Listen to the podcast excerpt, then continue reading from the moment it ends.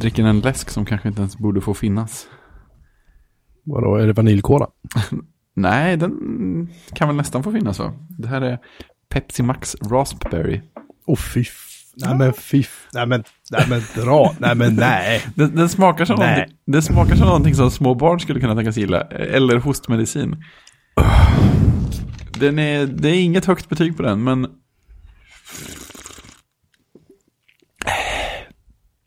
Det är någonting roligt med den. Jag vet inte vad vet, det är. Du vet att jag inte dricker läsk längre. Det att jag verkligen kämpar dagligen för att inte dricka läsk. Ja, men det, du, du, du, behöver inte dricka den här, så det är lugnt. Jag Nej, jag kan dricka annan läsk. God läsk. Ja, precis. ja. Mm. Men, Onda det... människa. Sista gången, jag lovar. ja, jo, tjena. Ja, oh, herrejävlar. Ja. ja, hur annars då? Jo, jag utlovar viss risk för hostattacker under inspelning. Ja, ja, nice, det, nice. Det är sån, eh, sån vecka nu. Det, det, det är lugnt med sig, sen kommer det ett ryck sådär och sen är det lugnt igen. Uh, I sedvanlig ordning klagas det på ljudet. Den här gången är det faktiskt Iller som gör comeback som, som uh, ljudklagare. Eftersom, eftersom Dr. Singo är, är uh, inte med oss idag. Jocke hörs har... övertydligt. Då testar vi, jag testar det så här istället. Dam, dam, ja. dam, dam, dam, dam. Är det min mindre dåligt? För jag ändrar liksom aldrig några inställningar hos mig, så jag vet fan vad som händer nere hos Nej. dig. Jag, sky jag skyller på dig helt enkelt. Ja, det men det, det är fair. ah, ja. Så, får se om det blir bättre. Ah, skitsamma, we'll fix it in post, som det brukar heta. ja, precis. Kanske har jag min volym aningen för högt, jag vet inte. Det känns, ser ut som mm. att det slår igenom lite i ja, garaget. Kanske, kanske lite högre än den var sist. Jag skulle ha en sån här preset som jag klickar på där det är så här bara så här. Eller, eller hur? Så. Det hade varit. Så, nu då kanske det är lite, nu är det lite lägre. Ja. Det låter bra här borta. Kan jag prata som men det räknas Ja, inte. men då, då sa han inte alls bittert. nu skriver Ille strålande, så det, det tar jag till mig av. Det känns riktigt bra. Då är han nöjd. Ja. Uh, men då så. Där riskerar det att bli ganska teknik... Där kom det! Jaha. Uh, där riskerar det att bli ett ganska tekniktungt, nördigt, mäckigt avsnitt. Det är sånt man vill ha. När jag tittar på det vi eventuellt ska prata om. Mm. Um, jag tycker det är fullt av bra grejer här. Ja. Uh, vi kan börja med en rättelse som jag fick som ett brev på posten. Jag tror faktiskt att det var vår vän Iller som påpekade att det jag sa förra veckan att uh, Amazon äger Tradera, det är ju helt fel. Det är Ebay som äger Tradera, inte Amazon. Ja, ja det ringer ju klockan nu när någon säger det. Mm. Jag börjar bli rostig. Ringrostig. eh, sen kan jag också rapportera att vi, någonting vi har pratat om i vår kanal, jag vill ju, du och jag pratade om för några veckor sedan det här med ta bort molntjänster och rensa upp och göra allmänt så här mm. i sitt liv. Just det. och det jag vi klurade lite grann på vem jag kunde synka min lösenordshanteringsapplikationssak som heter Npass. Jag kan synka den via någonting annat än OneDrive eller iCloud Drive eller Dropbox. Ja, för det var det du hade kvar OneDrive för va? Ja, och då visade det sig att jag kan ju synka den via WebDAV. Och det har jag vetat om att det går. Aha. Men det jag inte visste om var att eh, jag kunde synka den via WebDAV som finns i Nextcloud. Mhm. Nej. kommer Hille med uppdateringar igen. Jag, är det Paypal som äger Tradera? Nej, nu, nu är jag inte med längre. Jag, ah, fan. jag, tro, jag trodde verkligen att det var... jag kanske helt enkelt skulle göra min research själv. Ja, jag kanske ska sluta säga saker jag inte har koll på. Vi ska se vad det står längst ner. Tradera Jaha. Sweden. Paypal fick vårdnaden när Ebay och Paypal splittades. Uh, uh, uh, det är sån uh, storföretagssåpa. För jag har alltid för mig att jag har sett Tradera, eller Tradera, nu ska jag föra, mm. att jag har sett uh, uh, Ebay-loggan någonstans. Men, det, den har, men när du säger det så har den nog försvunnit. För förut så stod det så här, en Ebay Company. Ja, just det. där. Ja, det var nog sist jag var inne på Tradera ungefär. Det var Ja. inte igår. Men den är borta. Mm. Avsnitt 369 av varje dag såpan. Eh, Ebay och Paypal slåss om vårdnaden om Tradera. Så vi, upp, vi, vi uppdaterar oss igen. Det är Paypal som äger Tradera. Just nu i alla fall. ja, precis. Vi tar inget ansvar för vad som händer efter sändning. Ehm, nej, eller under sändning heller. Jag Just det, uppdatering. Elon Musk köper Tradera. Jag tänker inte prata om, mer om det här nu. Ehm, Ja, men WebDAV via Nextcloud alltså. ja, precis. Det finns eh, och då gjorde jag så att jag satte upp ett, för att eh, du och jag har ju konton på min Nextcloud-server och där har jag ju slagit på så här 2FA autentikering. Mm. I alla fall på mitt konto. Jag vet inte om du har gjort det på ditt. Jag har för mig att det kan ha hänt att du gjorde det. Det kan ha hänt, ja. Det är väldigt sällan jag är tvungen att logga in, vilket är skönt. Ja. Ehm, och det fungerar inte ihop med tredjepartsapplikationer. Ah. Typ Mm om man vill lägga till kontot i Gnome på Linux eller om man vill lägga till det, eh, använda det för NPass. Så då skapade jag separat konto för det med så här jättelångt lösenord. Eh, och som inte har 2FA-autentikeringen. Så den synkar nu via SSL-krypterad trafik till min Mac, min iPhone, min Windows-dator som står bakom mig, min Linux-dator som står bakom mig och lite annat. Det funkar klockrent. Det är ju väldigt fint. Jag är faktiskt förvånad. Och grejen är att jag hade inte sett det, men när man går in i NPass och så klickar man på så här att jag, om jag vill använda WebDAV, då står det så här. Om du använder Nextcloud, läs här. Nej. Så hade jag bara klickat på den knappen så hade jag ju sett det här för länge sedan. Men Ja, okej. jag inte. Fräckt. Ja, alltså Nextcloud är ju rätt trevligt. Det enda jag har problem med är iOS-appen. Den känns lite knackig så. Ja, och det var ju samma sak på OnCloud heter det också va? Men det Den, den, den iOS-appen är ännu värre. Ja, för jag satt ju och testade nu och det var, det var så att vi började undra båda två om det var något eh, galet med min internetuppkoppling. Men sen, Eller min. Eller min. ja, för, för den delen, det hade ju kunnat vara vilket som, men jag upptäckte sen, det, jag kunde lätt, jag verkade hela tiden få sådana lägen att jag, om jag typ dödade appen, iOS-appen, och startade om den igen, då fick den ner åtminstone fillistan där vid sidan och så kunde man se att det var en fil som var uppdaterad. Och ja, men den är uppdaterad. Så klickar man på den. Sen ibland funkade det, ibland inte. Och det funkade aldrig att klicka redigera på filerna. och det funkade oftast inte att refresha dem heller om de råkade öppna redan. Så att, nej, de har någon, någonting trasigt för det. Jag kanske borde logga in igen. Det är kanske är det som är grejen. Det är kanske det som är grejen. Det som faktiskt funkar riktigt bra är den här bakgrundsuppladdningen av foton. Som Det är man har schysst. med sin kamera. Mm. Det enda är att den måste hela tiden ha lokaliseringsfunktionen påslagen. Jaha, det, Av någon anledning. det är lite skumt. Jag tänker inte... Eller det finns säkert en naturlig förklaring, men det känns spontant här. Det borde vi inte behöva. Ja, nej, jag håller med. Men eh, sånt livet i alla fall. Japp. Så det är väl det enda man kan säga att man kan typ störas lite på. Annars så eh, tycker jag att den funkar. Alltså det är ju det är typ, jag går ju nästan aldrig in i den. Jag går ju bara in i den egentligen för att kolla så att bilder har laddats upp. Ja, När jag körde OwnCloud-klienten så fanns det också så här bakgrundsuppladdningssak. Mm. Men den var så här, den, jo men titta nu laddar den upp bra och så gick man i applikationen och så tänkte man inte på det. Så gick man in några, efter några dagar i applikationen och så ser man så här, men här är ju en massa bilder, ah där börjar de ladda upp, vad trevligt. Just det. Ja, det är inte helt lätt att göra rätt med bakgrundsgrejer på iOS. Nej, det, det är ju inte det. Eh, men eh, hur som haver så, eh, jag tycker Nextcloud är i alla fall eh, överlag väldigt trevlig. Och just där, Mm. när man skulle uppgradera OwnCloud så var det så här, ja, in och pilla så här och ladda upp POP-filer och köpa. Här är det så här inne i webbgränssnittet. Det, kanske- det kanske är så med, med OwnCloud nu också, jag vet inte. Men i Nextcloud så kan du bara gå in och säga så här, jag vill uppdatera de här pluginsen. Pop, pop, pop, pop. Det är jättefint. Ja, titta, jag vill uppdatera servern. Klick, så gör den det åt dig liksom. Så här. Jätteskönt. På tal om eh, molntjänster och så. Följer du eh, Daniel Stenberg som gör curl på Twitter? Ja, Såg du den?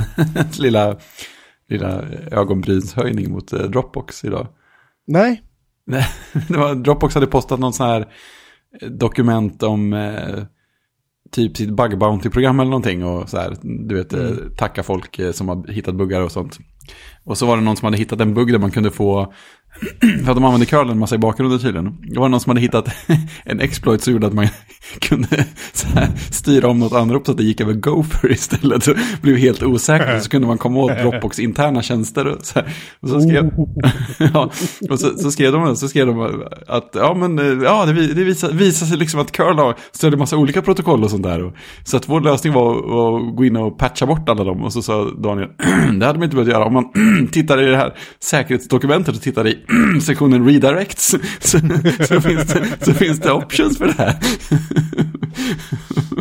Han är ganska rolig faktiskt. Ja, ja det var, det var mycket, mycket välformulerat. Mhm. Men, Jo, han har, ju rätt, han har ju rätt många användare av den här programmet. Ja, men precis. Man, man kan ju se hur sånt där händer också. Det är stor organisation med mycket ingenjörsresurser och så tittar folk inåt istället för utåt. Så, ah, vad kan vi göra här för att fixa det? Ja, vi patchar ut alla andra protokoll. Nej. Det är enklare att förbjuda än att fixa. ja, men precis. Ja. Eh. Jag har varit hemma och vabbat i två dagar så jag är helt, jag är helt sonkad. Mm. Du har handlat massa hårdvara. Eh, ja, jo det har handlat lite hårdvara förstår du. Jag är ju en sån där som... jag har ganska, ganska mycket tålamod när det gäller att hitta liksom så här prylar till bra priser. Jag tycker Mm, inte om att mm. betala för mycket för någonting här i livet. Eh, Det gillar jag. nu helt plötsligt, ja, och nu plötsligt upptäckte jag att eh, de 10 gigabit nätverkskorten som jag har letat efter har, hittade jag helt plötsligt till så här eh, riktigt överkomligt pris faktiskt. Ehm, så jag har beställt två sådana. Jag har beställt en sån här SAS-kontroller till mitt SAN och vad det innebär på ren svenska är att den SANet som jag fick, som jag har skrivit om på min lilla blogg, ehm, som heter MD3200i. De, den har två stycken kontrollkort i sig med fyra stycken Ethernet-portar vardera. Fem om man ska vara krass, men fyra stycken som man kör då trafik över. Mm. Mm, mm, Och de här är ju då special, de här kontrollerna är ju så här, jaha du ska ha hårddiskar i, då köper du dem från Dell ser du. Och så köper du bara Dells Jaha. diskar med Dells firmware och det är bara de här diskarna som funkar. Du kan eventuellt köra tredjepartsdiskar och det är typ de här tre stycken, ja, men jag överdriver lite nu men det är Ja. väldigt så här, det är inte så att det är, är jätte, Fritt fram. eh, jättefritt fram att bara stoppa in vad fan du vill. Som det är i mitt nuvarande SAN, det här 5 channel sanet från 2000, när du nu är från 2006 eller någonting. Ehm, och då så tänkte jag så här, nu har jag fyllt det här Dell-sanet med 2 terabytes diskar. Så det är alltså 12 stycken 2 terabyte, så 24 terabyte yta. det kan vilket man ju blir- ha. Ja, vilket blir typ så här 20-22 terabyte när man har gjort RAID och allting av det. Mm. Men jag kan ju inte använda de diskarna med de här kontrollkorten. Så då uh, satt jag och läste och grävde och så fick jag lite tips på Reddit av en snubbe att om du köper det här kortet, den här kontrollen och stoppar i ditt SAN så kan du sen via någonting som alltså via en extern SAS inte flygbolaget SAS utan Serial Attach Storage tror jag det står för. Hade varit oväntat om det det var flygbolaget. Det hade varit skitkul faktiskt. Ja, så ringer du SAS och säger det här hemliga meddelandet. Så lägger du på Ja, och så det- ringer de upp. Jag, kan, jag minns fortfarande att jag blev så förvirrad när man körde eh, Uppsalavägen precis när man passerar avfarten mot eh, Solna eller Mm, Hagaparken. Så stod det förut en stor skylt där det stod SAS Institute på. Det Dell, Dell har sitt kontor där nu. Ah, Eh, och jag, att typ 300 meter längre ner så såg, låg jag avfarten till SAS jättestora kont- kontor som låg ute i just det. Uh, inte Frös, äh, inte Frös, vad fan heter det nu? Ja? Men Järva. Järva krog där någonstans, Mm. eller vad det heter. Ehm, eller Frösunda kanske heter förresten. Skitsamma. Så jag blev alltså förvirrad. Men hur som helst, Mm. det är en passus. Eh, då tjongar du in det här kontrollkortet in i ditt, din SAN-låda och sen så kör du en SAS-kabel upp till en SAS-controller som du stoppar in i en PC-server. Eh, som är egentligen vanligt RAID-kort Mm. eh, som klarar SAS, eh, SAS extern SAS-koppling. Eh, och sen så dyker de där diskarna upp i Linux eller vad det nu kör för någonting. Bup, bup, bup, och så är det bara att åka. Mysigt. Så det är liksom planen och för att kunna göra det så vill jag, var jag tvungen att också köpa ett, ett eh, SAS-kort. För jag kan inte, jag har ett SAS-kort här. Um, som jag tror det är någonting fel på, för när jag stoppar in det i en testserver som jag har så blir, för det är ju en processor på det här förstås, den blir hiskligt varm och det, själva kortet dyker liksom inte upp under post. det känns lite hotfullt. Ja, så att jag var så här, ja men jag hittade ett på en återförsäljare i Kina för typ så här 100 kronor eller 150 spänn, ett jävla HP-kort. Typ, det är ungefär sånt jag har nu fast lite lägre profil på dem. Mm. Och det är ju nice. Det Så kan att det vara Det värt. tyckte jag, ja, det tyckte jag var lite, lite skönt. Det vore i och för sig om jag kunde bara ta igång det här kortet jag har nu, för det kan jag alltså koppla. Nu ska vi se. En, två, tre, fyra. Två, tre, fyra, fem, sex, sju. Vad är sju gånger fyra? 32 va? Ja, det låter rätt. Där är ett kort som kan hantera 32 Nej, diskar 28. internt. 28 är det. Eller 28, 28 diskar internt, förlåt. Uh, 28 diskar internt plus att den har en extern SAS-port också.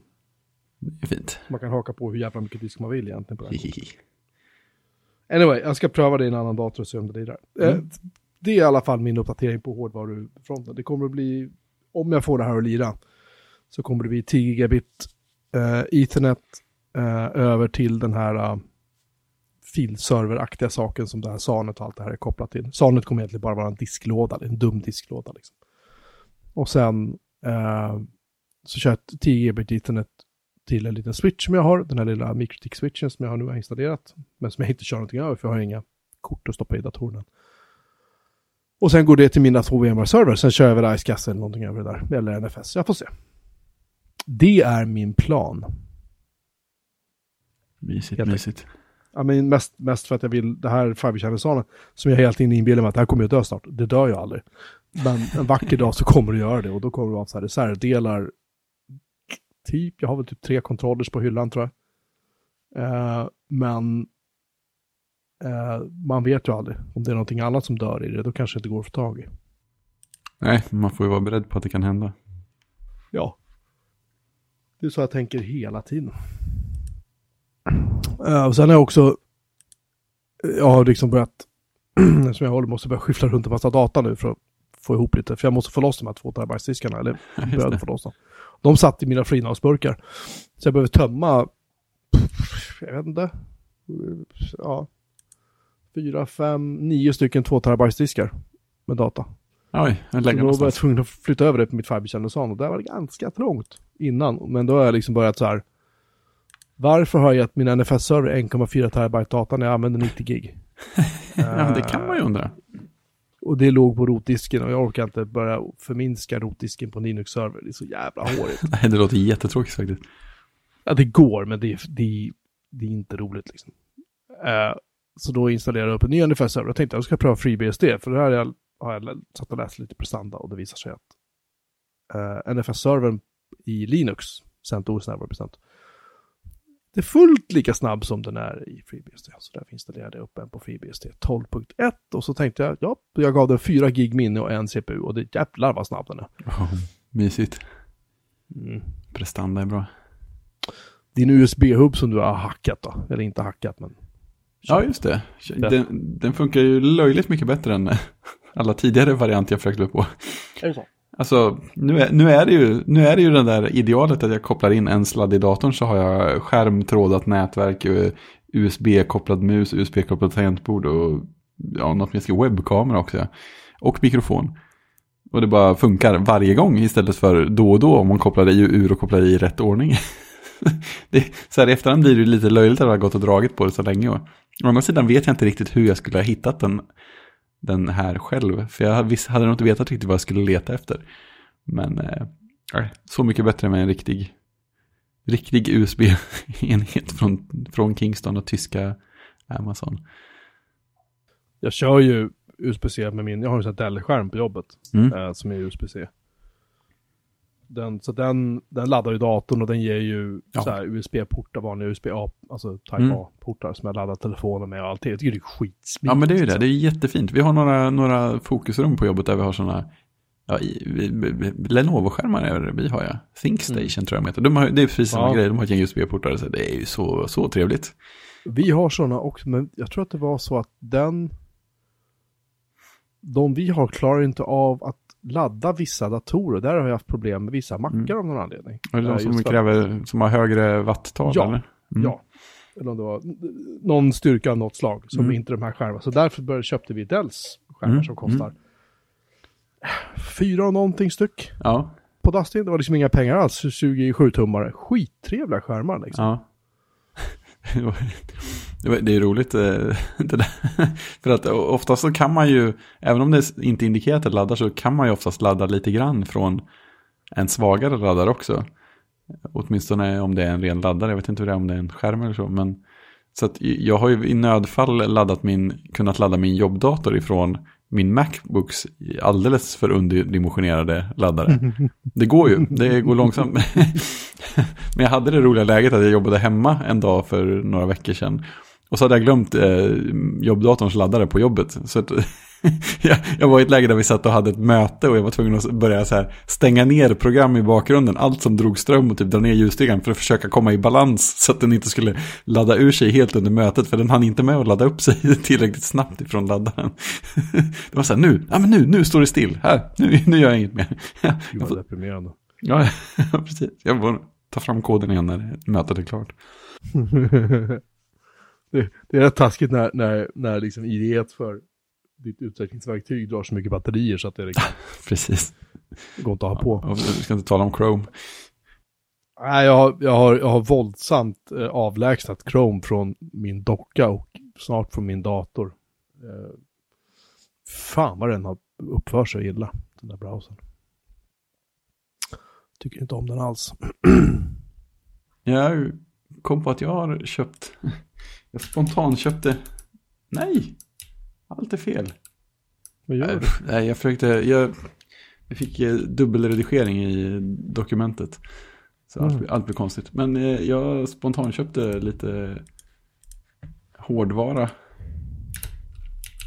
Och, varför blir allting fel hela tiden? Allting blir fel hela tiden. Din dator är dålig. Så. Nej, det är jag som trycker på fel tangenter. Så ja. jag klistrar in den här bort också. Jag tyckte... Jag trillade över det här, den här länken i morse. Tyckte att det var mysigt. Det äh, finns Discord också. Ja. Här är ingen länk. I Discord? Jag tror att det, ja, i Discord, jaha. Jag, tror, jag, trodde jag, trodde, jag, trodde, jag trodde du la den i dokument. Ja, det gjorde jag också. Men jag vet ja. inte. Oh! Eller hur? Oh! det ser ut som en ZX-spektrum nästan, det var ja. första jag tänkte på. Det är spektrum-inspirerade tangenter. De tyckte jag var fina. Speciellt alla de här specialundertitlarna, typ Symbol Shift, eh, TR-video. Okej. Okay. Vad spännande. Go-sub. Men det jobbiga... Ja, ja, Symbol Shift, ja precis. Det var ju det det stod. Fan vad häftigt. Ja, det är jättefint. Så det blir jag sugen på. Det jobbiga är ju att det här är ett sånt här eh, group buy. Som mm. om tillräckligt många beställer så, så lägger de beställningen och så tillverkas och så kommer det senare. Så förväntad leveranstid är typ i juli eller någonting sånt. Men det är roligt. Så det blir som någon slags eh, bortglömd eh, julklapp. Lite som Kickstarter när det väl kommer så. Så bara, jaha, det här är ju som gratis. Jag har aldrig betalat för det här. Det är på svar med en avi, så bara, du har ett paket ifrån någonstans. Bara, ja, just det. Vad är det här liksom? Ja. Det är som är fördelen att äh, butiken som hanterar det i Tyskland. Ja, precis. ja, men som den här Pixel eh, Art, tredje boken kom. Mm, den kom mm. ju nu precis runt jul tror jag det var. Och det var också, vad fan är det här för bok? det, var, det var ett paket, vad är det här? Jag får gå och hämta ut det här, helt glömt bort jag, jag, jag har typ sett att det har kommit mail från Kickstarter. Det är säkert något så här, ja vi är försenade, jada jada. Så. Ja men precis, det försvinner ju lite i bruset. Ja, så bara ramlar den in. Ja, det där var ballt. Det var riktigt ballt faktiskt. Ja, jag hoppas det är lika coolt när det väl levereras. Jag är ju framförallt förtjust i att få en sån där regnbågstangent som de har satt på Escape uppe i hörnet. Ja.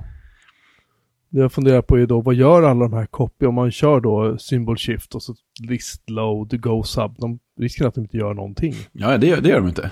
Eh, det är ju bara knapparna, men det kan du ju programmera själv så att det händer någonting coolt. Mm. Det är det man ska ha det till. Ja, så det blir fint. Ja, den är ju inte gjord i gummi med sån här membran under i alla fall. Nej, jag hoppas inte. I så fall har jag läst beskrivningen alldeles för dåligt. Det, det är ju alltid något. Mjukt gummi. Um, vad skulle jag mer säga om det ena och det andra och det tredje? Jekyllhackande.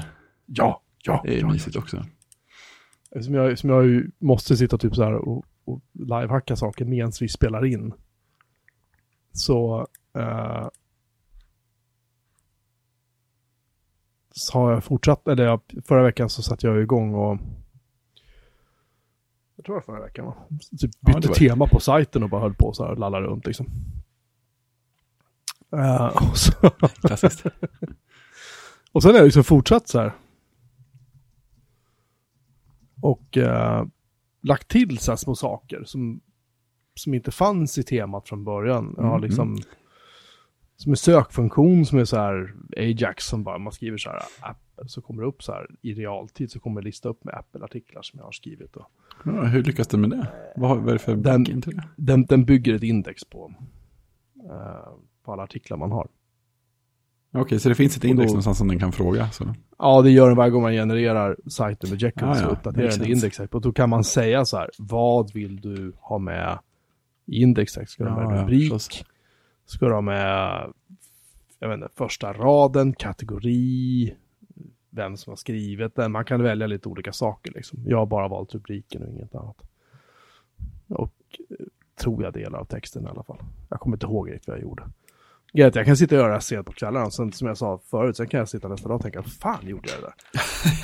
Precis. Ehm, och så lyckas jag få in en skitfräsig liten RSS-ikon i menyraden på sajten. Oh, Och den är ingen bild, utan det är, det är ett typsnitt som laddas ner via någon så här, via en CSS som ligger någonstans på någon annan server. Jag kanske Ja, måste göra det där, ja. Det kommer säkert sluta funka en vacker dag. Ja. Ehm, för jag vill ha så, li- jag vill att den ska ladda så bara, sup, den laddar ju ganska snabbt som det är liksom. ja, Eh, för det är verkligen, det är bara text liksom. det är så skön stil på den. Den. tack. Och sen la till en copyright-rad längst ner då med lite så här, äh, den hämtar ut vilket år det är, slipper jag uppdatera den manuellt varje år. Eh, det är ju skönt. Japp. Och sen har jag i själva artiklarna har jag ju satt in då så att det är en, rubriken faktiskt är lite mer som en rubrik. Du och jag håller på att debattera lite grann fram och tillbaka, så här, hur stor ska den där vara? Liksom. Ja, just det, just det. Eh, och eh, det, den, den blev sådär Ja, slut. det känns som du landade på en bra nivå där. Ja, jag, jag satt och höll på och labbade för att jag, jag blev mer så här. äh, Gick jag upp till två storlekar. Alltså jag, jag gör ju det här rakt i HTML-koden. Jag skriver så här font size. Jag håller inte på med något Ah, CSS. Inget krafs här inte. Nej men alltså, alltså det är så här. Jag, har, jag har ju, det är ju rätt mycket CSS i bakgrunden som jag har lagt in med liksom block quotes och liksom när man sätter code-taggen runt saker och ting. Den är jag inte riktigt nöjd med så den måste jag fixa. Block quotes är jag jävligt nöjd med. Eh, Och sökrutan ska jag väl kanske putsa lite grann på, men den, den är hyfsat. Allt det styrs via CSS, men det, om jag kan lösa någonting enkelt genom att bara i rå HTML sätta en typsnittsfärg eller en, eller en fontsfärg eller en fontstorlek, fan, då gör jag väl det liksom. Ja, det är ju jätteskönt. Varför krångla till det när man, man vet vad man sysslar med och man kan lösa det på ett enkelt sätt? Eller hur? Och sen har jag lagt in en, en, en sån här funktion som står hur långt den artikeln står att läsa. Ja, och den tar då mysigt. antalet ord och delar det på någonting och sen så tycker den då, det är en amerikansk grej så den är ju helt fixerad vid hur många, de räknar alltid saker och ting per ord, de räknar inte per tecken. Nej, såklart. Ehm, så det eh, är, har jag också lagt in. Och sen så har jag hela den där menyn där uppe, den gener... För att, jag backar två steg. Eh, de som inte har jobbat med Jekyll, det finns alltid en fil som heter underscore config.yml. Där, är, där är liksom ligger all grunddata för sajten, vad sajten heter, vad det är för länk till den, vilka eventuella plugins du vill lägga in till Jekyll, massa så här prylar. Papp, papp, så här. Eh, det är gems som det heter, som det är Ruby. Och sen, och där i också var eh, menyn, huvudmenyn var definierad. Då sa man så här, vilka sidor vill du länka till? Ja, det är de här, de här, de här, de här. Ja, okej. Och det var ju snyggt. Förutom att eh, jag kunde inte lägga in, jag kunde inte lägga in en extern länk till exempel. Jag kunde inte lägga in en länk till våran podd eller jag vet inte, till mitt Nej, RSS-flöde. För det var ju ingen, för det var ju ingen sida. Och, och så jag tänkte, ja jag fixar det sen. Och sen till slut så bara, så jag bara rev bort den där funktionen och bara skrev in. Så att den texten som är i menyn där, det är också bara, det är HTML rakt upp och ner. Det är skönt. Inga Eh, konstigheter. Nej, för det ser exakt likadant ut. Liksom. Så att jag, det är jag rätt, rätt nöjd med faktiskt. Samma sak, jag vill liksom inte ha någon så här uh, effekts på länkarna liksom. Ja, då skriver jag bara så här i koden, papp, papp, papp, så jag vill inte ha några effekter på det här. Fuck off liksom. Nej, det funkar ju finfint när allting bara inkluderas en gång på varje ställe. Då blir det ju en. Ja. vad fan var jag skrev där? Uh, just det, text decoration none man, just det. I style, man sätter, det, man sätter det som en style tag, I, I, A, H, R, F. Grejen liksom. Japp. Ja men alltså, alltså det här är ju helt, det är ju helt korrekt, schysst ja, det det ju. jävel liksom. Så att, sen kan man ju tycka så här, allt ska vara CSS. Och Mm. så här, ja, absolut. Hade jag haft tid och ork och tyckt att RSS Ja. var skitroligt liksom. så, Ja, men det här är ju enklare också när det de facto bara ska göras på ett ställe. Det är ju så här Ja. om du satt och skrev in samma sak på fyra olika ställen, då hade det varit en annan grej. Men nu är det ju faktiskt bara ett ställe. Då är rakt på sak. Och det påverkar garanterat ingen annan deklaration heller. Det är ju det andra problemet med CSS. Ja, men ändra globalt, jättefint. Jaha, det föll igenom på sju andra ställen också. Vänta lite. ja, det är precis. Eller ännu värre när man eh, när man sitter och så, så här tittar man i koden så ser man så här att okej, här har vi ett stycke som har med, det är den här diven och diven heter så här. Liksom. Jag tror att det heter div i alla fall. Jo, div, div-klassen heter den ju. Okej, då heter den, säger vi, meny. Då går jag in i CSS-filen och så söker jag efter ordet meny. Finns inte där. Okej, vad fan gör jag då? då Ja, liksom? precis. Då ligger den kanske i någon annan CSS-fil någonstans eller om det är någon JavaScript. Jag har ingen aning. Jag, jag kan inte tillräckligt bra liksom. Ja, men oavsett om man kan det eller inte så är det alltid svårt att få överblick över grejerna också. Så här, var sjutton kommer den här stilen ifrån? Det- Ja. Sånt kul har vi hela tiden på, på jobbet. Ja, ja men det är ju, jag kan tänka mig det med tanke på ju mer komplext det blir liksom. Eh, men sen, ja just det, sen gjorde jag en annan grej också. Det jag har faktiskt gjort i CSS på image-taggen, är att alla bilder, eh, alla bilder på sajten eh, konverteras till gråskalor. Med hjälp av, Det är ju mysigt också. ja och det är en rad i CSS-en. Är det ett filter eller? Nej, det är bara en funktion, vi ska se. Ja, men heter det heter det en filter? Eller heter det något annat? Uh, vi ska se, vänta. Eh, jag ska ta fram koden. Nej, den heter inte mig, den heter Base. All about the base. Fick jag en liten eh, musikreferens där. Man sätter filter grayscale 100% har jag satt. Fett nice. Jag fattar inte varför man ska ha gråskala och sen ange 50% eller 20%. Ja, men du kan du inte få sån där att färgen läcker igenom lite grann då? Typ att om det är något riktigt rött så kommer det fortfarande se rött ut. Eller något knallblått blir lite blått. Jaha. Kan jag tänka. Jag skulle kunna Ehm, gissa att det är så. kanske. Alltså jag, satt, jag satte det till gråskalor för att jag har egentligen bara typ, jag har två olika färger på sajten förutom svart och vitt. Mm. Ehm, och det är rött för vissa saker, typ vilket datum artikeln är publicerad på. Ehm, och sen är det sökrutan. Och sen har jag blått när man kör en sån här blockquote. Ja. Eh, Då har man en, har en, en pixel tunn, fin liten rad till vänster om och så blir texten lite så här inåt tabbad om man säger så.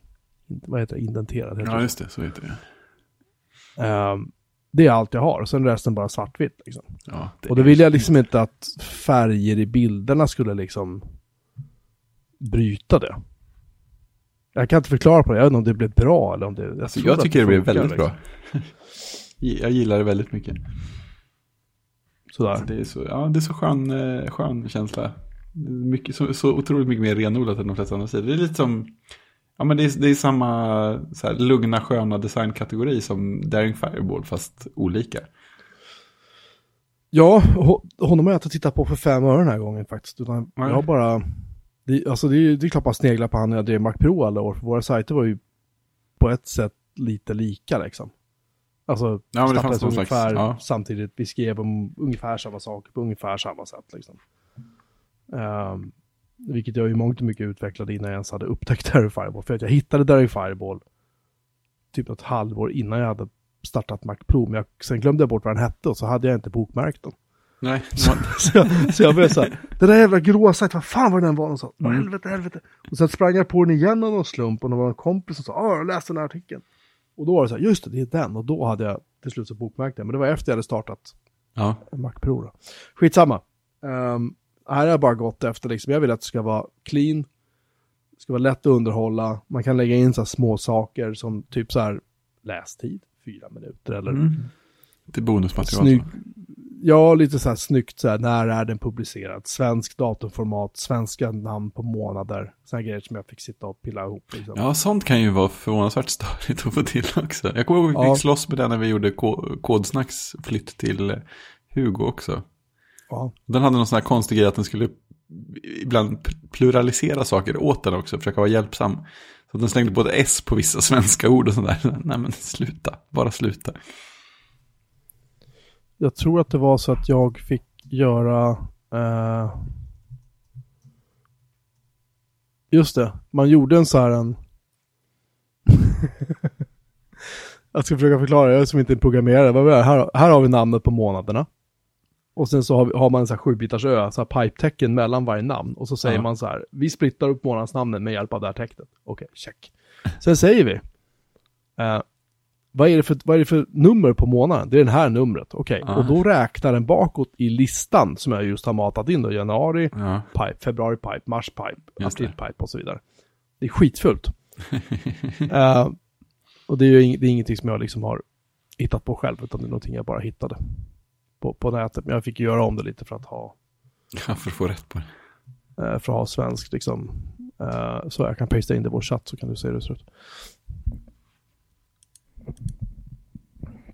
Eh, och det är det som jag tycker är lite charmigt med Jekyll, att det är så här, det är mycket i alla fall när jag gör det, så kan det bli ganska mycket quick and dirty lösningar. Men grejen är att det är, så- det är inte så att man får så här, åh, nu måste, nu kommer det så här varningsmeddelanden om att så här får du inte göra, utan det är Nej, så här, det. funkar det så funkar det liksom. Ja, men det är, det är rakt på sak. På något Ja. sätt. Jag, det, jag gillar ju det där. Det är väldigt enkelt och fint. Man förstår vad som händer och sådär också. Och grejen är, sen kan du ladda ner ett Jekyll-tema som är så här komplicerat skitmycket funktioner och grejer, men ändå är det så att i grund och botten så bygger det på exakt samma filstruktur som den här enkla bloggen gör som jag har. Det är egentligen, kan vara typ fyra kataloger. Och så en eller två filer som den behöver ha. Liksom. Ja, Och det, och det här temat var jag fick ju lägga in funktion för RSS-flödet också. Det visar att man skapar en XML-fil som jag lägger i roten på, på uh, sajten. det, det är lagom. Och så lägger jag in en gem som heter Jekyll RSS eller vad fan det är, Jekyll feed tror jag den heter. Sen baserar den det här XML-filen, så genererar den en feed. Pop. Det är ju jättefint. Vem Ja men det så här, allt är så jävla enkelt. Jag behöver inte ha Ja. någon plugin, jag behöver inte ha en databas. Utan det är Nej, så här, behöver knappt ha en server. ja, jag, skulle kunna driva, jag skulle kunna köra den här sajten på en Raspberry Pi. Ja, Det kan jag säga rakt ut. Jag skulle kunna köra den på en Raspberry Pi, typ en Raspberry Pi 2 eller 3.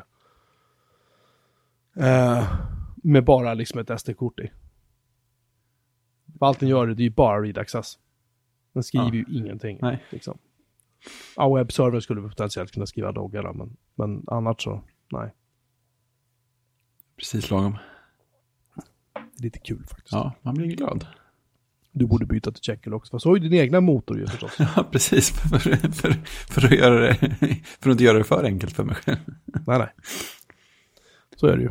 Men jag är Ehm. sugen på att peta lite på designen igen i alla fall. Se om jag kan skala bort lite mer. Ja, jag har en kommentar där. Inte Ja. att jag, jag ska ju inte säga att jag är någon sorts designfantom, för det är jag verkligen inte. Eh, men din sajt är ganska svårläst. Framförallt om man sitter i en mobil. Ja, det kan nog stämma ja. Och sen har du så här, nu ska vi se, vi har ett typsnitt i bjurmappen.com, vi har ett typsnitt i menyn, vi har ett typsnitt i rubben som jag tror är samma som bjurman.com. Ja, sen har vi ett typsnitt för datum. Och sen har vi ett typsnitt för brödtext. Och Det är några stycken. Ja, Kan vara läge att städa lite. och du har också svartvita bilder. Nej, där har du färg också. Ja, då. nej, det var bara en som råkade vara svartvitad för att det var Ja. mysigt. Men där, alltså jag gillar headen, den är snygg. Mm. Och jag gillar liksom så här, den är ju clean som fan. Men jag tror att du skulle kanske behöva, Ja, man skulle kunna städa lite till. Ja och sen är det så här grå text på grå bakgrund. Och sen är det svart natt, runt om. Nattemat är lite mörkt. Ja, har du teman? Ja, alltså den, den, den har, titta på den här CSS eh, för prefers, eh, vad heter den? Jaha, den kände du av från mig, ja. Ja, precis. Cool. Så att det, det finns ljust och mörkt. Okej, det kanske är min, för att jag hade, jag hade ett ljust tema som jag, till det här temat jag kör på sajten, men Vem vill ha det liksom? jag undrar om det är så att någon då får ett ljust tema som inte alls ser ut som det mörka. För det mörka har jag moddat en del, men jag har inte moddat jag, det är, ljusa. jag är rätt säker på att jag har varit inne på sidan med både ljust och mörkt. För jag har Ja. autoväxling på mina maskiner. Aha. Så jag tror att det håller sig, håller Ja, sig som det ska hela tiden. Jag kanske måste titta på det då. Ja, nej men det är... Jag är, jag är nöjd med min sajt. Ja, det är jättefin. Men Det jag bråkat med mest är så här, vad ska det stå högst upp? Jag hade så här, välkommen. Bla, bla, bla, bla, bla, så här. Men det var bara så att detta är en hemsida och blogg för en datornörd, skribent, poddare, make och pappa vid namn Joakim Melin som bor norr om Stockholm. Ja, det är allt man behöver. Det är helt, Den meningen, har- den meningen har jag våndats över mer än någonting annat. det måste vara en, en av de effektivare i sitt slag. Det är inte ett onödigt ord i den. nej, nej, det kanske inte är, jag vet inte. Fast jag, jag kommer säkert fortsätta att pilla och försöka lägga Ja, in små saker här och där. Men Det är ju bara mysigt. det är, också, det är också lite grann det som är charmen med Jekyll. Det är så här att det är inte som att gå in i Wordpress där du har så här. Vi har 44 stycken plugins här. Mm. Det är bara att välja. Nu behöver vill du ha 36 liksom? uppdateras. Ja, precis. Och, Fyra så, lyckades typ, inte. och tre har sönder i Wordpress när du installerar dem, trots Ja. att vi säger att den är supportad. Nej men alltså, det finns ju, det finns ju skitmycket du kan göra med Jekyll, det gör det. Det finns ju många gems och prylar som helst du kan lägga in. Och som sagt, det mesta är ju jätteenkelt att göra, men ehm, man tänk, jag vet inte om det, är, om det är just att man gör allting i kod, liksom. men man tänker efter ett varv till innan man gör det Ja, det är skönt. på ett, ja, på ett sätt som man tror jag inte gör när man kör Wordpress, när man bara så här, ja, det är bara att dynga på liksom. Så sitter man där med 30 plugins och sajten Ja. går som någon har hällt liksom sida på maskinen. Ja, men det är just det där man, man klickar på någonting och så har man plötsligt fyra paket till som man beror av som eh, man inte riktigt vet vad de gör och sådär. Det, ju- Nej. nej, det, det urartar så lätt. Jag har ju sagt, jag flyttade ju min kiropraktor till Jekyll också, han vet inte om det förstås. Bra titel Ja. där. Jag flyttar min kiropraktor till Jekyll. faktiskt. Han är statiskt genererad. Ja, precis, min statiska kiropraktor. Nej men han, han, och så att det, då är den MySQLen borta och det, det är två, tre sajter med din då, eh, makalösa. Just det, Så på tal om sida eh, värd att konvertera. Ja, den borde du fan konvertera till, Jekyll eller någonting liksom. Ja, det är inte mycket att prata om. Vi är ju ungefär lika trötta du och jag båda två. Ja, det är ganska jämnt så. Just det, just det. Oh, du, Ja, kommer du ihåg att jag berättade för dig att jag fick ju två stycken Dell-servrar som jag var så oerhört stolt över. Ja Som hade så här jättemycket minne och Ja. jättemycket CPU. ja, så här. Men den ena var ju Pi. Mm. Eller Pi så tillvida att den startade och så. Och, och fläktarna lät jävligt mycket. Men det visade att de lät ju jävligt mycket hela tiden. För att Ja. den inbyggda styrmekanismen som kallas för IDRAC eller bara DRAC. Eh, frågar inte vad fan det betyder. Eh, den var paj på ena maskinen. Och det här är tydligen ett känt fel på de här. I normala Dell-servrar, ni kan gå och lägga ner som är ointresserade det. I normala Dell-servrar så är det här ett litet instickskort. Eller på något sätt en löstagbar funktion. I R620 och R720 så är det inbyggt på moderkortet. När det pajar, då pajar det. Punkt slut. Oh. Det är bara att byta moderkort. Och jag håller på, du vet, suttit och botat om och jag försökt nollställa den och resettat den. Tänkte, fan jag måste få på det. Och sen så testade jag en grej som jag har testat en gång tidigare. Och det är att de här servrarna, alla de här äh, äh, DRAC äh, produkterna, i alla fall de moderna, har SD-kortslottar. Och på det SD-kortet kan man lägga en firmware. Mm. Mm. För att man vill så typ tvångsuppdatera sin Mm. Eh, Det kan ju hända. Som DRAC liksom, eller på något sätt återställa den. För de där kan bli korrupta, det händer lite då och då. Ehm, och, och jag har prövat det en gång tidigare, för det satt ett SD-kort i. Så var det så här, Dell original, så här, wow. Och tänkte, jag tar ett annat SD-kort, formaterar det med FAT32, lägger på firmwaren, stoppar in det i den här SD-kortläsaren, kopplar in strömmen till servern men slår inte på den, för att DRACen behöver inte det. Den är så pass smart så den kan jobba i alla fall. Den botar upp automatiskt så fort den har ström. Och grejen är att den säger ju ingenting. Det står ingenting på displayen och ingenting. Man är så här, vad fan. Och sen är det plötsligt bara så här, va? Det kom text i displayen. Det var så här, va? I he- ja, titta, jag har lagat. Galet. Det tog typ så här tio minuter. Jag har sparat, jag vet inte, tusen spänn på att beställa ett begagnat moderkort. Grymt. Så nu blir det Nu har åka jag två servrar igång. Två i mitt kluster. Är nu ett kluster igen. Ja, två servrar i mitt kluster. Taralala. Ja. La la la. Och du har en oväntad veckans oväntade placering av en nätverksport. Du vet att jag älskar nätverksportar. Ja, ja. Eh, frågan är om jag ska ta bilden först eller sen. Men jag fick ett, eh, ett ryck och ett påhittat behov och skaffade en eh, Chromecast. Du vet, Ja. Googles lilla runda puck som man eh, sätter i en HDMI-port. Mhm. Eh, och de här har stöd för, eh, för eh, Ethernet-koppling också, trådad.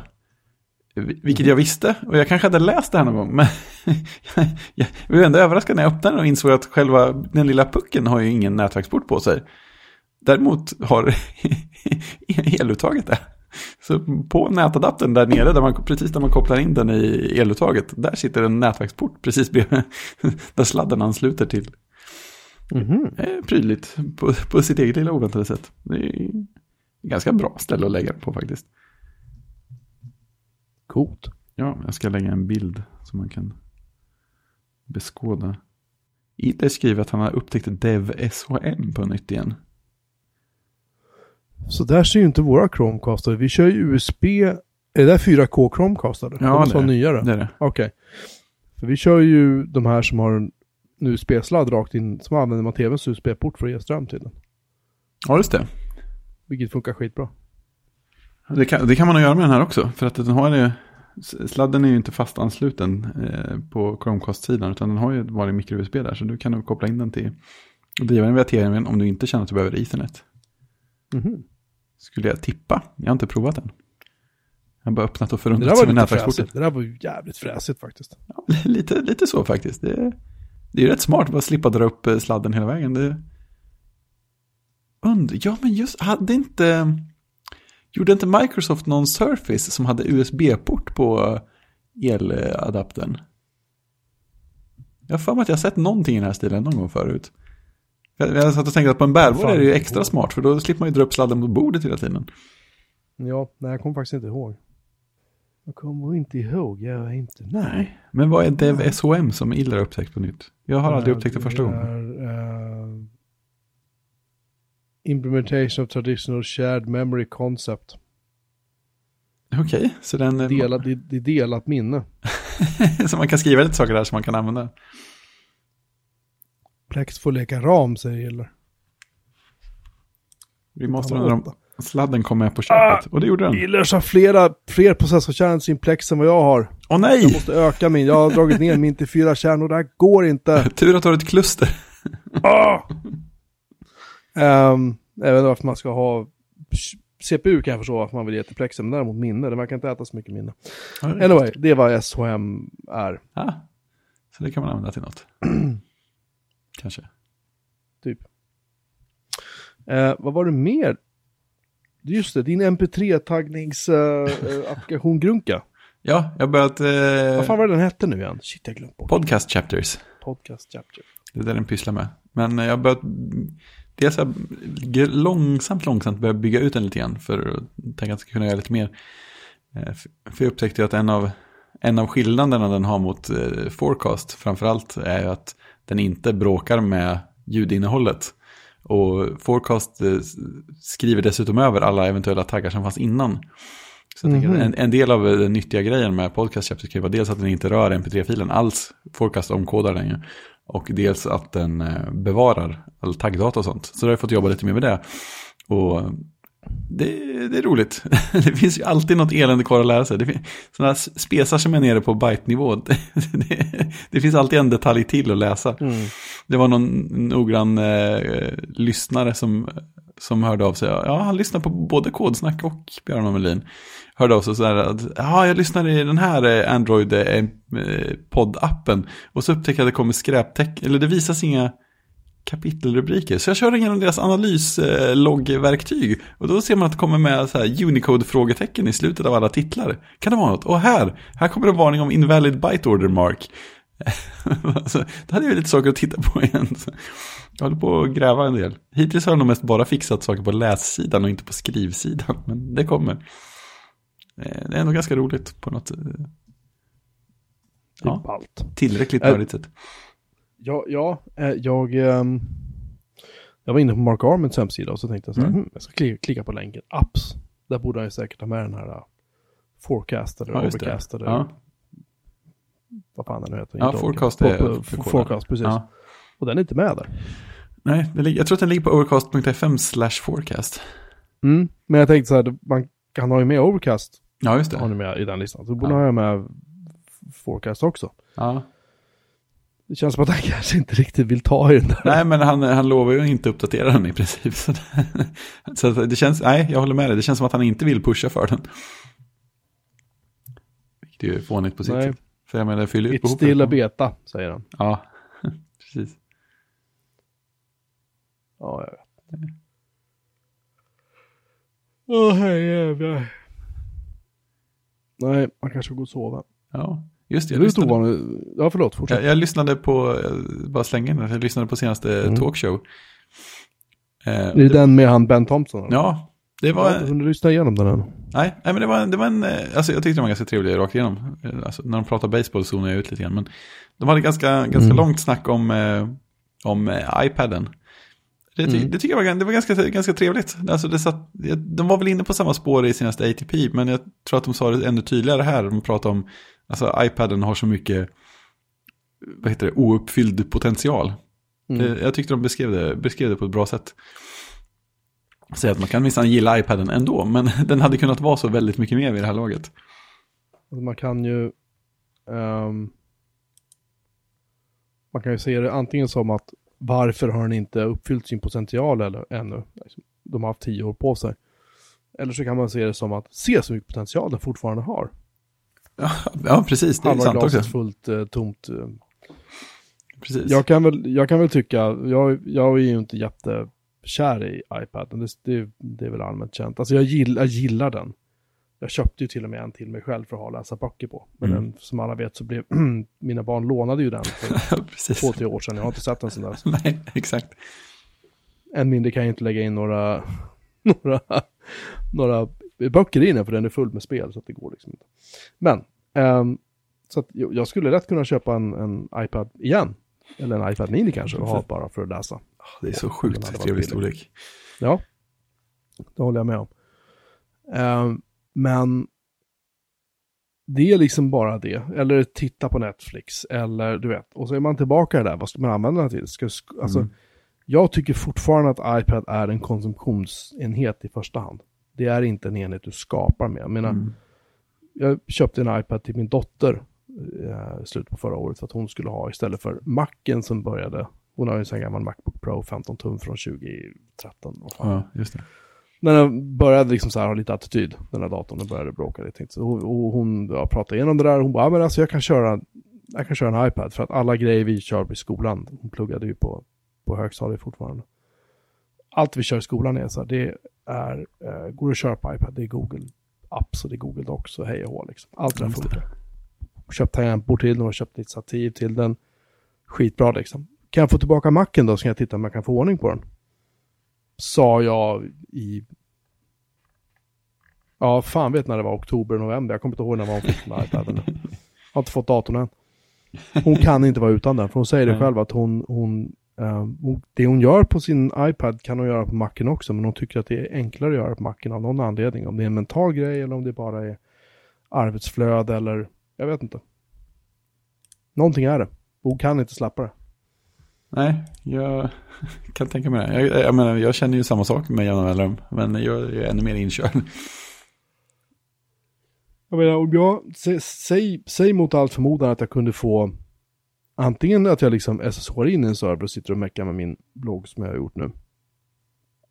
Och sen att jag kan få en ordentlig muspekare och inte bara inom citationstecken den här äh, Accessibility-pekaren. Nej, precis. Och den, den funkar ju typ. Men jag menar, jag vill kunna kopiera text, jag vill kunna liksom... Eh, jag vet inte, gå in på GitHub och, och ladda ner en zip-fil med kod. Nej, det, just det, det kan jag inte göra här kanske. Eller kanske jag kan. Ja, jag vet inte om man kan packa upp zip-filer på en iPad nu. Det kanske Nu- går. Nu går det på något sätt. Jo, jag tror att, Ja, jag tror att Viticci har pratat om tredjeparts eh, uppsippningsappar. det skulle inte förvåna mig. För, för en sån sak kan man inte bygga in i systemet. Hur hade det sett ut? Nej, men jag menar, det, är- det är så enkel grej. Så här, cut and paste måste bara, för, alltså det måste vara enkelt, för det använder man så ofta. Uh, filhantering är skitenkelt. Ja, jag vill kunna SCP upp en fil från min iPad. Det går ju typ med Transmit för iPad om den... Nej, det finns Jo. inte fortfarande. Nej. Eller hur var det nu? La de inte ner Transmit för Jo, det kanske de gjorde. Den hade ju SCP. Det var ju nice. Ehm, det, det här är ju bara utifrån mig förstås. Alltså det finns ju miljoner andra sätt. Men, men om vi tittar på vad du och jag gör. Du, du kodar, jag sitter och hackar lite andra saker. Eh, vi poddar ihop. Ja, men Man exakt. kanske sitter och surfar, man kanske sitter och håller på med någon grafik, man kanske loggar in på några andra servrar, man kanske VPNar in till jobbet. Eh, mycket av det här kan du ju lösa med olika applikationer, så är det ju definitivt. Men det är just det där att du kör så här en eller två, max, Mm. på en, en skärm som inte är så jäkla stor. Även om du köper en Pro, största modellen, så är den bara en 13 tum va? Ja, det är väl något i de 12-13. Och då är plötsligt det så här, ja, det är lika, lika stor skärm som på en Macbook Air liksom. Ja, vilket är lite sjukt bara det. Ja, och, och, och fortfarande så är det ju, du är ju väldigt begränsad i mångt och mycket. Det finns ju ingen terminal, liksom. Det är väl egentligen det största problemet jag kan tycka. Att jag vill ner i käll, jag vill ner, liksom ner och så här och hacka loss liksom. För det går så jävla mycket fortare när jag gör det. Istället för att hålla på med en, använda typ prompt till exempel, som är en jättebra SSH-klient. Men ska jag in där varenda gång jag ska logga in någonstans och så här klick till klick och papp, papp, så här liksom. Mm. För häromdagen hade jag typ 14, term 14 terminalfönster öppna. Liksom. Det blir lite löjligt efter ett tag, men, men det är så jag jobbar. Liksom. Jag är inne i Mm. ett projekt och då, det blir fönster överallt. Ja, men precis. Vissa webbläsarfönster, andra terminalfönster. Ja, grej. ja, precis så. Ja, jag skulle ju fan liksom, ja, jag tror jag skulle få bryt. Liksom. Men å andra sidan, visst. eh, En, en iPad Pro eh, med en extern skärm, extern tangentbord, extern mus. Det kanske skulle gå, jag vet inte. Ja, gå, gå skulle du säkert göra. Frågan är om hur bra det skulle hur det skulle Ja, kännas. man i skulle ju, ja, eller hur, man skulle tvingas lära om sig jättemycket och tvingas ja, liksom, Hitta nya lösningar på saker. ja. Ens muskelminne är ju inte mycket värt i det läget. Nej, nej, nej verkligen inte. Ehm, ja, det är väl egentligen det jag tänker om iPad, att, att det är så här, ja, den kan bli så mycket mer. Liksom. Mm. Det hade varit skitkul om de hade kunnat, här har vi ett pro-läge i iOS, Mm. titta, du fick en prompt nu. Ja, den är sandboxad utan helskotta, du kan bara typ gå in i din hemkatalog eller Ja. du kan bara använda de här, de här verktygen liksom. Men Då- ändå. då- De, de sa en riktigt intressant sak eh, i, i talkshow där. Att det, alltså idealet hade varit om Apple hade gjort produkten och sen hade Microsoft fått, fått bygga plattformen och fixa med mjukvaran på det viset. För de är ju bra på att släppa in folk och liksom låta utvecklare kunna göra saker och låta folk kunna sälja sina appar som de vill och allt sånt där. Det är de jättebra på. Men de är inte alls lika bra på att bygga den där produkten som alla vill ha och köper för att de vill ha den och sen vill utveckla för. Så att om de hade kombinerat ihop sig där så hade det kunnat vara perfekt. Eh, det men- känns oväntat men det känns också rätt. Ja, tänk, tänk, tänk om du hade haft Z-käll eller Bash eller vad det nu är. Du hade haft en Ja. ikon i din docka i din iPad. Så klickar du på den och så får du upp en prompt. Ja, Och det är så här, nej du kan inte gå in i ETC, du kan inte gå in, du, kan, du, du är i din hemkatalog, punkt slut liksom. mm. Och du kan gå in i, och utifrån den kan du gå in i downloads och lite sådär va. Och så kan du, ja du kan installera Ruby eller, fan vet jag, Mm. GCC eller vad du nu vill hålla på med liksom. lägga till något mer, någon mer paketkälla än bara App Store. Ja det, det är ju det då, du, du får ju säkert ladda ner det som ett paket från App Store. Microsoft hade hade- gjort det. Ja men, men det hade varit okej. Det hade varit okej att säga så här har vi Ruby för iOS. Det, det, det, det. Ja, ja visst. Och så finns det kanske ett GUI till den om man vill, eller också så finns det via det här terminalläget då som man kör. Därifrån kan man SSH, man kan SCP-filer utifrån sin hemkatalog, man kan, du vet, köra vissa kommandon som genererar filer i din hemkatalog. Mm. Fint. Det hade varit skitcoolt. Ja, eller hur? Nu är det ju, nu är det bara så här, nu är den ungefär lika kastrerad som första macken var. Ja, fast det, och det, fast det har gått tio år här. Ja. Och det har gått, vadå? 40 år sedan macken kom, vad är det? Ja.